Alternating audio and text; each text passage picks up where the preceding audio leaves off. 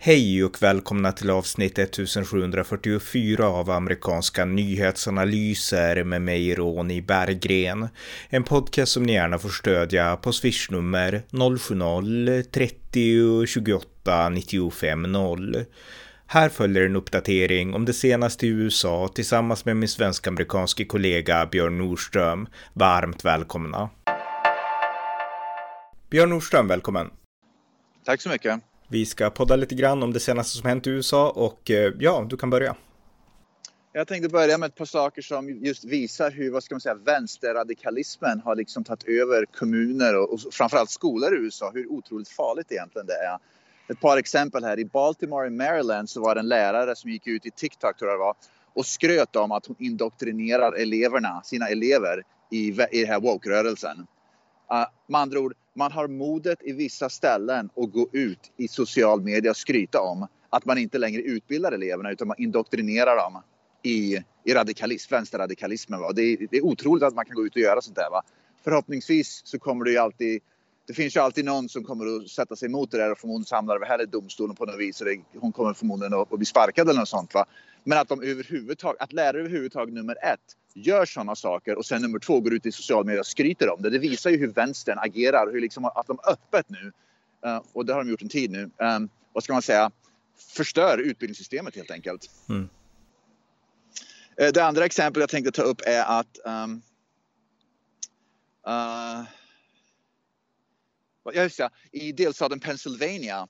Det finns ju sådana här skolstyrelser här i USA. Jag vet inte om det finns sådana i Sverige, men det är, kommun, vad ska man säga, det är kommuninvånare helt enkelt som, som sitter i styrelsen och leder skolarbetet, överser skolorna då. Men det var en skolstyrelse i Pennsylvania. Det är nio personer i styrelsen. Åtta personer röstade emot att ingen vit heterosexuell man får bli chef för skolstyrelsen i den kommunen för att bli chef i skolstyrelsen så måste man, får man inte vara vit, man får inte vara heterosexuell, man får inte vara man. Mm.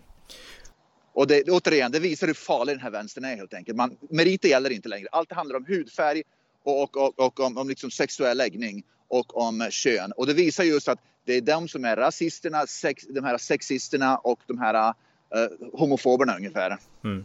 Och det visar verkligen hur långt det har gått med liksom den akademiska hjärntvätten. Och jag tänkte det här passar yep. perfekt för att nämna saker som hänt i Sverige. Samnytt skriver om att en skola i Umeå, min gamla studentstad, min grannstad här uppe i norr, eh, vek sig och de har nu infört ett Lucia-tåg utan kristna liksom inslag. Alltså, jag läste det. Precis, och de gör då det yeah. därför att muslimska föräldrar, de har inte tillåtit sina barn vara med i det här, utan eh, ja, de tycker att det är för kristet så barnen får inte vara vara med. Och nu får barnen vara med. Och eh, jag läser ett, eh, ett citat där då att eh, vi har ju flera muslimska barn här nu och på plats i kören som också är tillåtna att vara med i kören. För det har ju varit så att både skolavslutningar och Lucia-kören så har det inte fått vara en del av uppträdanden.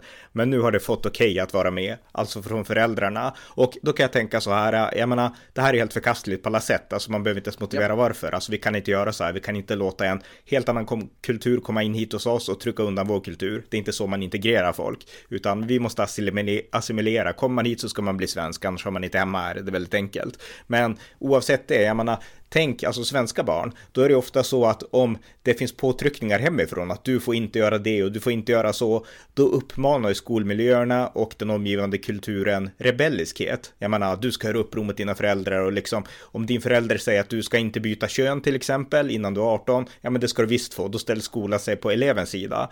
Men i det här fallet så är det ju tvärtom. Här ställer man sig på de förtryckande föräldrarnas sida. Så jag menar, det visar ju hur absurt bakvänt har blivit.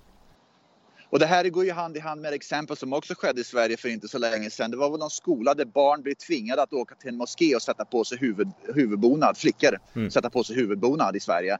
Och det visar ju då att konstant så är det kristna och ur, liksom ursprungsbefolkningen, svenskarna, som måste vika sig. Jag har, jag har svårt att tro att samma, skol i, samma skola i Umeå skulle skulle påtvinga då till exempel muslimen under Ramadan att, att ta bort religiös, muslimska eller islamska eller religiösa vad ska man säga, grejer ur Ramadan så att kristna kunde integreras mer i Ramadan. Och det har ju svårt att tro att man skulle tvinga Ramadan och, och muslimerna att göra då. Va?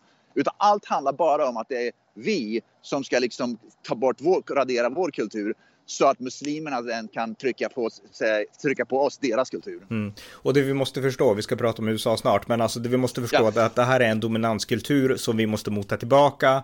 Jag hade en person aggressiv i mina Facebook, dessutom. ja verkligen aggressiv. Jag hade en person i en av mina Facebook-trådar häromdagen som en helt svensk muslim som sa att han trodde på stening av äktenskapsbrytare. Och jag har träffat personer som tros också här i Sverige och att han bodde i Sverige förändrade inte det för fem öre. Och han kom in och han var väldigt arg och liksom så här, alltså, för när jag sa att det här är helt fel, då tyckte han varför blir du så upprörd liksom? I Sverige har vi demokrati, vi får tycka vad vi vill och sådär. Så jag menar, här har vi en kultur med helt andra värderingar än våra demokratiska, sekulära, kristna värderingar som kommer ut och vill ta plats. Och de här muslimerna i Umeå som inte vill ha Lucia enligt kristen tradition, jag menar, det är en pytteminoritet. Tänk då hur de skulle agera om det vore i majoritet. Och det är inte något hypotetiskt, utan det kan vi se i den muslimska världen. Titta på Egypten, titta på Pakistan, titta på de här länderna. Hur går det för de kristna då när de hamnar i minoritet? Hur går det för det sekulära? Det går inte bra. Så jag menar, vi måste mota det här nu innan liksom det här blir för starka krafter att stå emot. Och bara nämna en sista sak. Det är framförallt männen i kulturen som ligger bakom sånt här. Och det är den patriark, liksom det, den svenska feminismen då ställer totalt upp på att man, männen i, inom, muslim, inom islam de kommer till Sverige och dominerar. Samma, samma då svenska politiker och journalister som gapar om att vi är feminister, det ska vara jämställdhet.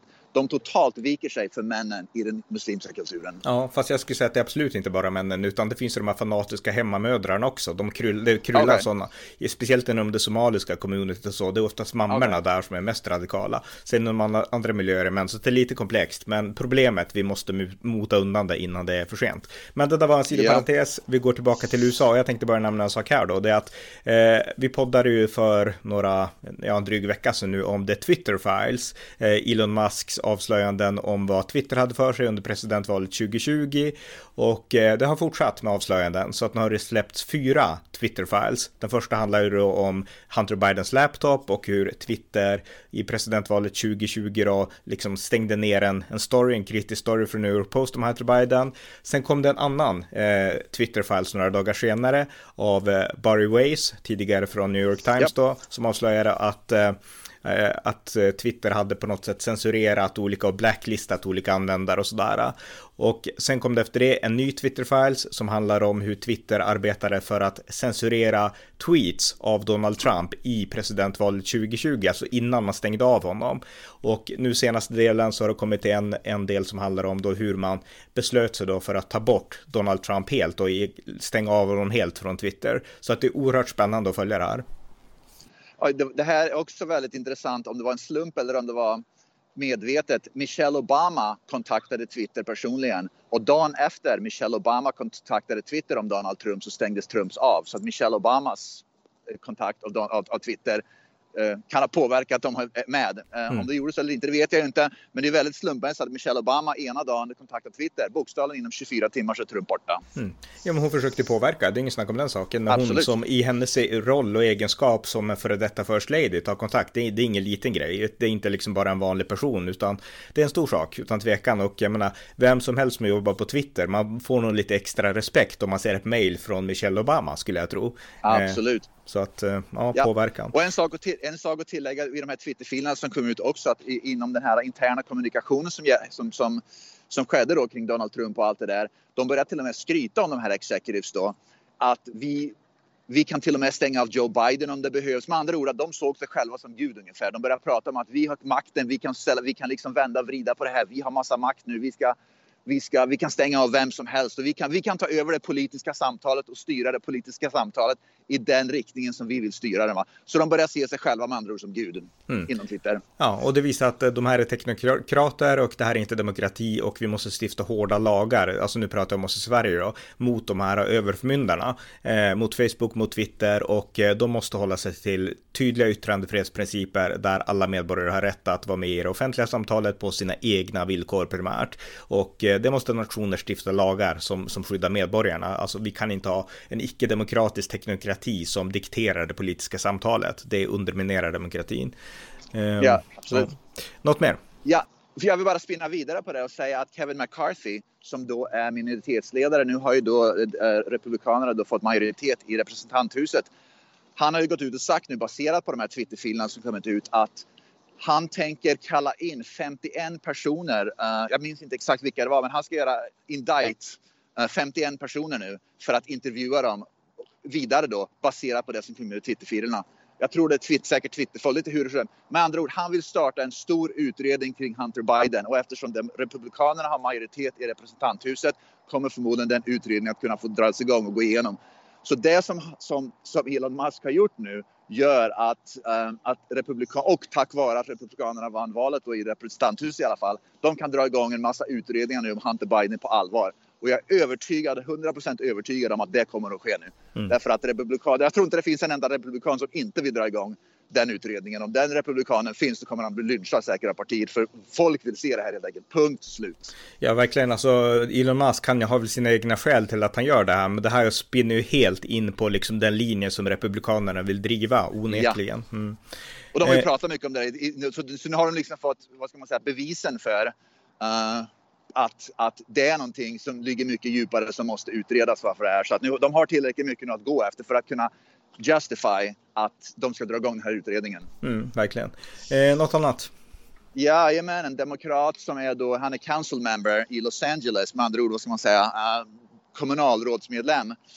Det var en julfest i alla fall och han är demokrat i det demokratiska partiet då, men han i alla fall började slåss med en, uh, han drog igång ett bokstavligt fysiskt slagsmål med en, uh, vad, vad, heter det, ja, en person som var med på julfesten. Så att det ser väl inte speciellt bra ut för Demokraterna till Los Angeles, men problemet är väl det det räcker att det står bokstaven D framför en person så röstar ju folk fram dem i vilket fall. Man bokstaven D för demokrater. Mm. Så att det spelar ingen roll vad demokrater gör. De kommer fortfarande röstas fram till, till ledande poster. Var man republikan då hade han åkt ut direkt. Ja så är det, men, men alltså, det är också så här att jag såg klippet och den här personen är väldigt ja. aggressiv. Det är en vänsteraktivist som är på honom. Alltså, ja, visst, en vänsteraktivist, ja. precis. Och han men, går... Men att han bara börjar, ja. Nej, nej exakt, alltså han slår ner honom.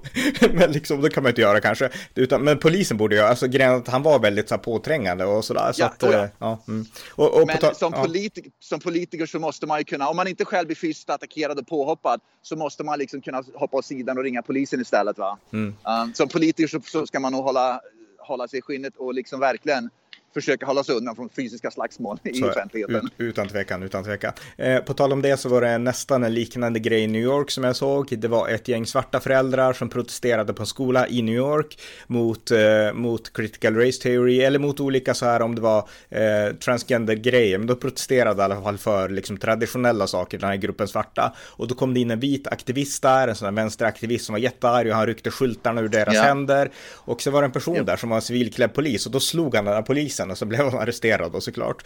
Eh, ja. Så att där har vi våldet då från vänsteraktivister mot, eh, ja, mot en samling demonstranter. Och det här våldet som vi har pratat om som är det verkligen hotet mot demokratin som kommer från vänster men som aldrig, aldrig, vad ska man säga, svensk media tar ju aldrig upp sånt här och även amerikansk vänsterliberal media mörkar det här ganska bra. Det hamnar väl kanske på, som en parentes någonstans i, nere i flödet som ingen någonsin ser. Men om det här hade varit istället då en republikan eller en Donald Trump-supporter, det hade ju varit headlines överallt då. Därför mm. att då är det liksom, de är livsfarliga hot mot demokratin och så vidare. Och så vidare va? Och allt. Men så fort det är vänstern som gör det, då behandlas det på ett helt annat sätt. Mm, ja, visst. Jag hittade informationen förresten om Kevin McCarthy.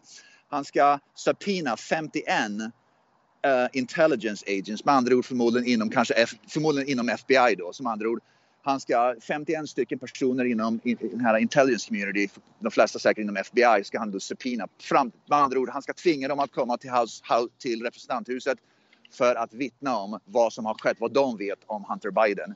Och då kommer det säkert framkomma en hel del information med som av, av intresse. Just det. Mm. Ja, det ska bli, ska bli intressant. Något mer? Ja, men jag såg, jag skickade en bild till dig igår, men jag såg det var en liten unge på dot, med dottern igår idag på en softballturnering och då var det en liten unge som gick omkring med en, eh, med en jacka och trycket på ryggen var Let's go Brandon. Ganska roligt. ja, verkligen. Ja. Ja. Mm. Man kan gissa vad föräldrarna tycker om, om, eh, om Joe Biden. ja, verkligen, verkligen. Ja, bara inte ungen hamnar i, i problem, men det gör, det gör den kanske inte i Arizona. Nej, absolut inte. Jag tror, det är ingen som reagerar på det här. Här, här finns det massor överallt konstant. Kepsar och okay. tröjor och liksom allt sånt där som folk går omkring med. Let's go Brandon eller Joe Biden sucks och sånt där. Eller fuck Joe Biden och sådana där mm. saker. Så det, folk reagerar inte på det. Liksom, det, man, man liksom, det är bara en del av vardagen här. Just det, okej. Okay. ja, något mer? Ja, vi, vi pratade ju om det där. Uh, jag såg att du hade gjort en podd om Britney Griner då, så vi behöver inte spinna vidare på det. Men jag tänkte nämna att hon blev ju då um, uh, frisläppt då man har sett en hel del kritik mot det här faktiskt i USA. Bland annat en, en väldigt känd amerikansk fotbollsspelare som spelade i Dallas Cowboys. Kommer inte ihåg när Micah Jones eller något heter han. Men i alla fall att kritiken har framkommit ganska kraftigt att vi, vi, USA fick en, en, en, en, basket, en kvinnlig basketspelare och uh, Ryssland fick en, en, en legosoldat och en, en, uh, vad ska man säga, en vapensmugglare. Och han, här Viktor Baut har ju redan gått ut och sagt att han, han är intresserad av att kriga för Ryssland mot Ukraina. Och han har redan gått ut nu och börjat hetsa mot Ukraina och börjat stödja. Så att, eh, vad ska man säga, det var... Eh, kritiken har inte väntat på, eh, låtit sig vänta på sig här i USA i alla fall i vissa led. Det som är intressant, jag minns inte namnet på politikern, men det var någon en demokrat i, uh, i representanthuset som omedelbart gick ut och sa att Victor Bout är inget hot. Han är, han är, det är helt okej. Okay, det är lugna puckar. Han är inget hot mot någon. Han kommer inte att skada några amerikaner eller folk överhuvudtaget. Va? Och jag, min dotter hade hört talas om det där också. Hon är i high school då. Så att hon frågade vad jag tyckte. Och jag sa att när man går ut och säger att Victor Bout är, vad ska man säga, han är o, helt ofarlig och kommer aldrig att göra någonting. Då tror jag att man kommer att man kommer få ångra de orden. Det är, bara, det är bara en tidsfråga innan han är inblandad i någonting. Hans namn kommer att ploppa upp snart igen ett, på ett eller annat sätt där han har skadat eller liksom legat bakom någonting som har skadat andra människor. Det är jag övertygad om. Putin tog inte tillbaka Viktor Bout för att Viktor Bout ska integreras och bli en bra medborgare i Ryssland igen. Nej, nej. Eh, på tal om eh, Britney Griner, alltså hon, visst kommer hon från Arizona, eller misstar jag mig nu? Eller hon har spelat... Hon är, hon är från, hon är från Texas. Hon är från Texas ursprungligen, men hon spelar basket här i, i Phoenix. Hon okay. spelar för Phoenix Mercury, basketlaget här. Men hon är från Texas ursprungligen, så där, hon flygs tillbaka till Texas. Det är där hennes familj är. Men hon bor här i Arizona nu, för det är här hon spelar. Just det, okej, okay, men då förstår jag. Mm. Ja, vi fortsätter. Något mer? Ja, jag läste en intressant New York Post. Gjorde, New York Post har framförallt gjort väldigt mycket uppföljare om det Hunter Biden-grejerna när det har kommit fram. Va? Så att de verkligen, vad ska man säga, tutar och kör med nya artiklar. Va? Och de kom ut med en intressant editorial, en sån här, vad heter up-ed, va? Jag vet inte mm. vad det heter. Ledarartikel. i alla fall. Mm. Där de pratar just om att Hunter Biden-storyn då visar att eliten, journalisteliten i USA inte gör sitt jobb. Utan precis tvärtom. Och de har ju helt rätt nu. Med andra ord att, att de här vänsterjournalisterna nu efter Hunter Biden-historien har kommit ut fortfarande vänsterliberal media rapporterar ingenting. Tvärtom. Reportrar och artiklar som kommer ut säger att det här är bara tidslöseri, det är bara massa nonsens och det är liksom man bygger vad heter det, man bygger en höna av en fjäder eller vad det heter, sådana här uttryck va. Mm. Med andra ord, man försöker bortförklara det här, att det här är ingenting, det är bara tidslöseri. Och min, min tanke är ju alltid det, va? Hade det här varit Donald Trump Jr och inte Hunter Biden, då hade det varit lynchstämning i varenda vänsterliberal media. Men eftersom det, det, det är en, en Biden-son så är det naturligtvis att, att det, att det um, totalt ignoreras. Mm. Och det visar att fortfarande amerikansk media begriper inte sin roll i samhället. De fortfarande försöker skydda Biden istället för att börja gräva och säga att okej, okay, det kanske ligger mer i det här än vad vi först trodde, än vad vi först vågade erkänna. Nu är det kanske dags att börja gräva i det här rejält, men de gör fortfarande inte det. Och det visar att det är en medveten taktik, inte och att man är bara ignorant till ämnet. Ja, nej, men det är ju likadant i Sverige. Det här tas inte upp alls på det sätt som det borde göras. För det här är ju det är en enorm sak att Twitter har egentligen sannolikt påverkat ett presidentval. Alltså det är inte alls omöjligt att Trump hade kunnat vinna om det hade blivit mer kritik som fick släppas ut mot Joe Biden och Hunter Biden då. Eh, jag menar, det hade kunnat avgöra, vem vet? Så att jag menar, det här det är en allvarlig sak. Och jag menar, hade det återigen, hade det varit motsatsen, då hade det ju varit över hela världen och att republikanerna, de vill stjäla valen och det är liksom, ja du vet så. Så att... Eh, oh ja, mm. Absolut, ja. Ja, eh, ja, något annat då? En, ja, uh, det här är också intressant. Alexandria Ocasio-Cortez, uh, representanthusmedlemmen, socialisten då från New York. Du minns att hon var på den här Met-galan för något år sedan drygt, eller vad det nu var, och bar en, en klänning som det stod Tax the Rich. I alla fall, hon är nu under utredning av Ethics Committee i representanthuset. Med andra ord att hon har agerat oetiskt. Uh, Eh, Eh, och det är i samband med att hon har då gick på den där galan. Det som är då framförallt för rika människor. Och hon själv gick på den och hävdar då att hon själv stödjer, vad ska man säga, arbetarklassen och fattiga människor och så vidare. Va? Samtidigt som hon satte på sig en svindyr klänning och gick på den där galan. Så att eh, hon är i alla fall under utredning med. Och det här ska bli väldigt intressant nu med representanthuset då i Republikanernas händer. Att vilka utredningar kommer att startas? Vi har ju redan sett nu Hunter Bidens utredning är på gång. AOCs utredning, utredning kring hennes uh, avsaknad av etik och moral. Vilka fler kommer att startas? För att Demokraterna var ju väldigt duktiga på att starta utredningar kors och tvärs om vem som helst som är republikan eller Donald Trump eller vad det nu var. Mm. Så nu ska det bli intressant att se att det kommer ju naturligtvis då försvinna för att det kommer inte Kevin McCarthy kunna kunna stödja. Men vilka andra kommer att börja utredas nu? Mm, det ska bli jätteintressant. Och Kevin Republikanerna styr. Ja, ja, verkligen. Och Kevin McCarthy, vi får hoppas nu att han blir speaker, därför att det finns ett visst motstånd bland några enskilda i hans eget parti också. Men om han blir speaker så har han ju också sagt att han kommer att peta, eh, ja men de, de här Ilan Omar och de andra från liksom viktiga ja, kommittéposter. Precis, precis, det har vi pratat om. En sak som, eh, exakt, precis, de här radikala demokraterna. Yeah. Men en demokrat som inte är radikal, som kommer från din delstat Arizona, det är senator yeah. Kirsten Sinema och hon är ju demokrat, fast hon ja. var demokrat, för nu har hon blivit ja. oberoende. Och eh, det är otroligt spännande, för det tillhör inte vanligheten att man lämnar ett etablerat parti. Vet du något mer om varför hon, alltså hur motiverar hon det? Uh, jag läste, jag läste lite grann, inte allt för mycket, men lite grann. Hon, hon, hon indikerar att hon helt enkelt, vän, Demokraterna har gått för mycket åt vänster. Och hon kan inte längre, därför att Arizona är inte, vad ska man säga, en delstat. Även om de röstar fram Biden och man röstade då fram Mark Kelly nu. Arizona som delstat, det är liksom 50-50. Och det, jag brukar nämna Joe Manchin från West Virginia. Han är liksom, representerar väl också den här äh, falangen då inom Demokratiska partiet som, som Kirsten Sinema gör. Att man kan inte representera Arizona och vara allt för mycket vänster. Och jag tror att hon ser, vad jag förstår, att hon, hon vill kunna vara oberoende för att hon vill kunna rösta hon var ju den enda i senaten som röstade emot här, uh, att man skulle slut, avsluta filibuster, om du kommer ihåg. Mm. Och hon är då i mitten. Hon vet att hon måste. Jag har nämnt det förut att Arizona är lite grann vilda västern fortfarande till mångt och mycket. Va? Så jag är inte förvånad att hon gör det. Va? Men i alla fall, hon inser att hon, för att hon ska kunna då representera delstaten Arizona så måste hon få vara en independent därför att hon, hon ska kunna rösta som hon vill utan partipiskan. Och det är det som ligger bakom det här att hon måste kunna göra det. Och om det betyder att hon ska rösta ibland som Joe Manchin, med andra ord med Republikanerna, then so be it. Mm. Sen, sen har jag också läst att det kommer just nu i alla fall inte innebära några konsekvenser, för hon röstar nästan alltid med Demokraterna ja, i alla visst, fall, visst. så hon får behålla sina positioner och sådär. Så att ett strategiskt drag av henne främst verkar det liksom betyda just nu i alla fall. Ja visst, visst, men när det gäller stora saker som till exempel filibuster, det finns säkert några stora grejer till som kommer att komma fram då tror jag att hon inte kommer nödvändigt att stödja Demokraterna automatiskt. Nej.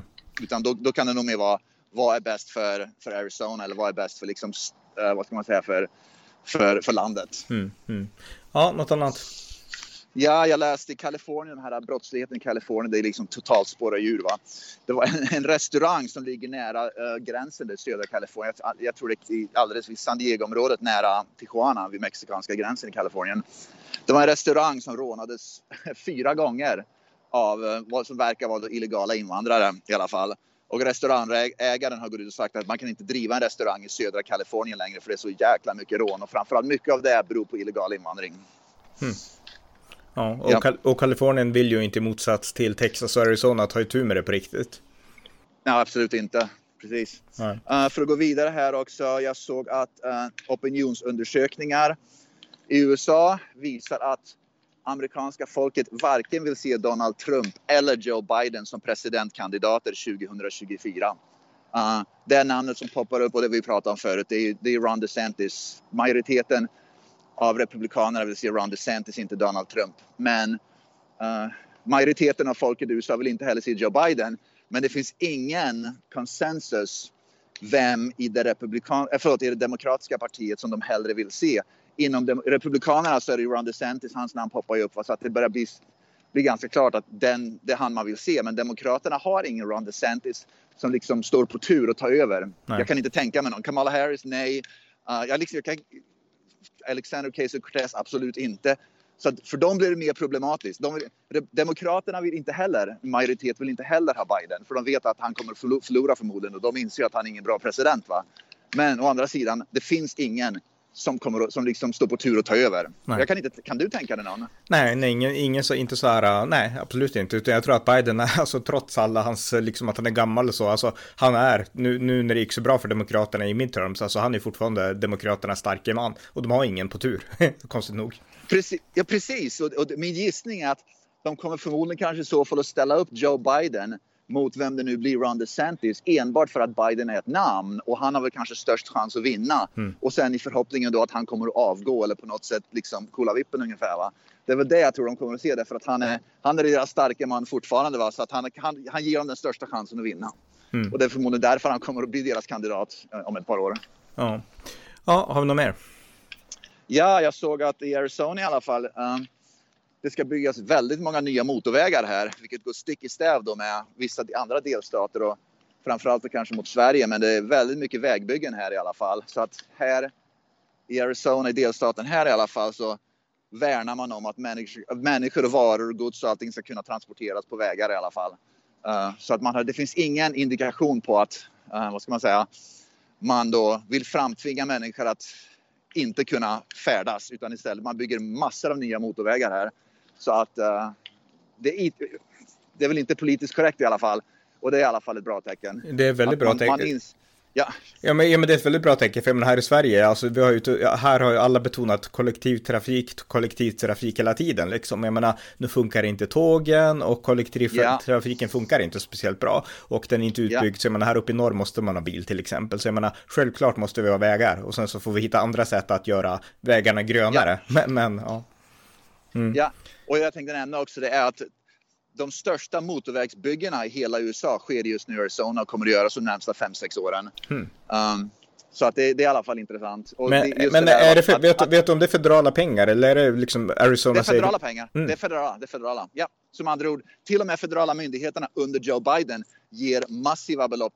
Du vet vad, det här, vad heter den här act som, som, som de passed nyligen? Den här uh, inf, infrastruktur. Ja, uh, infrastruktur mm. ja de pengarna. Okay. Så att till och med Joe Biden som, som då, jag vet inte, ska man säga, har pressen på sig att, att satsa mer på kollektivtrafik och så vidare. Han delar ut enorma, jag vet inte hur många miljarder dollar han delar ut till Arizona för att bygga nya större motorvägar. Mm, just det. Så att, eh, ja, så att det, det, är i alla fall, det, det, är i alla fall tecken på att, att um, folkviljan går igenom. För folk här i Arizona vill inte man vill inte åka. Det finns ju knappt några tåg eller någonting här och folk vill inte åka tåg. Folk vill hellre köra bil. Så enkelt är det ju bara. Så att mm. folkviljan vinner ju på den. Ja. Eh, något mer? Jajamän, det här var intressant. Det finns ett, ett län som heter Loudoun County. Uh, i, det, det, det, är ett län i delstaten Virginia. Och det var, vi har pratat om det här lite grann förut, att transgenders som går in, liksom biologiska pojkar eller män som blir kvinnor eller flickor då går in i, i, i flickbadrum och sen med andra ord antastar eller våldtar tjejer då. Utnyttjar sin vad ska man säga, rättighet då som transgender att använda damomklädningsrum och sen våldtar de kvinnor då va. Och det skedde då på en skola i delstaten Virginia för något år sedan. Och eh, då lades locket på därför att det blev väldigt problematiskt då för skolchefen, han som superintendent, skolchefen. Mm. Så han la locket på, han försökte liksom eh, dölja att det hade skett va. Och, eh, men i alla fall föräldern till tjejen då som blev våldtagen. Jag vet inte om hon blev våldtagen eller bara sexuellt trakasserad eller vart gränsen liksom, hur det slutar då. Men i alla fall pappan då, han gick vidare med det där. Och han, i alla fall nu är i alla fall skolchefen sparkad på grund av att efter en utredning som då pappan drev vidare med och, och vad ska man säga, uh, ja, tryckte på.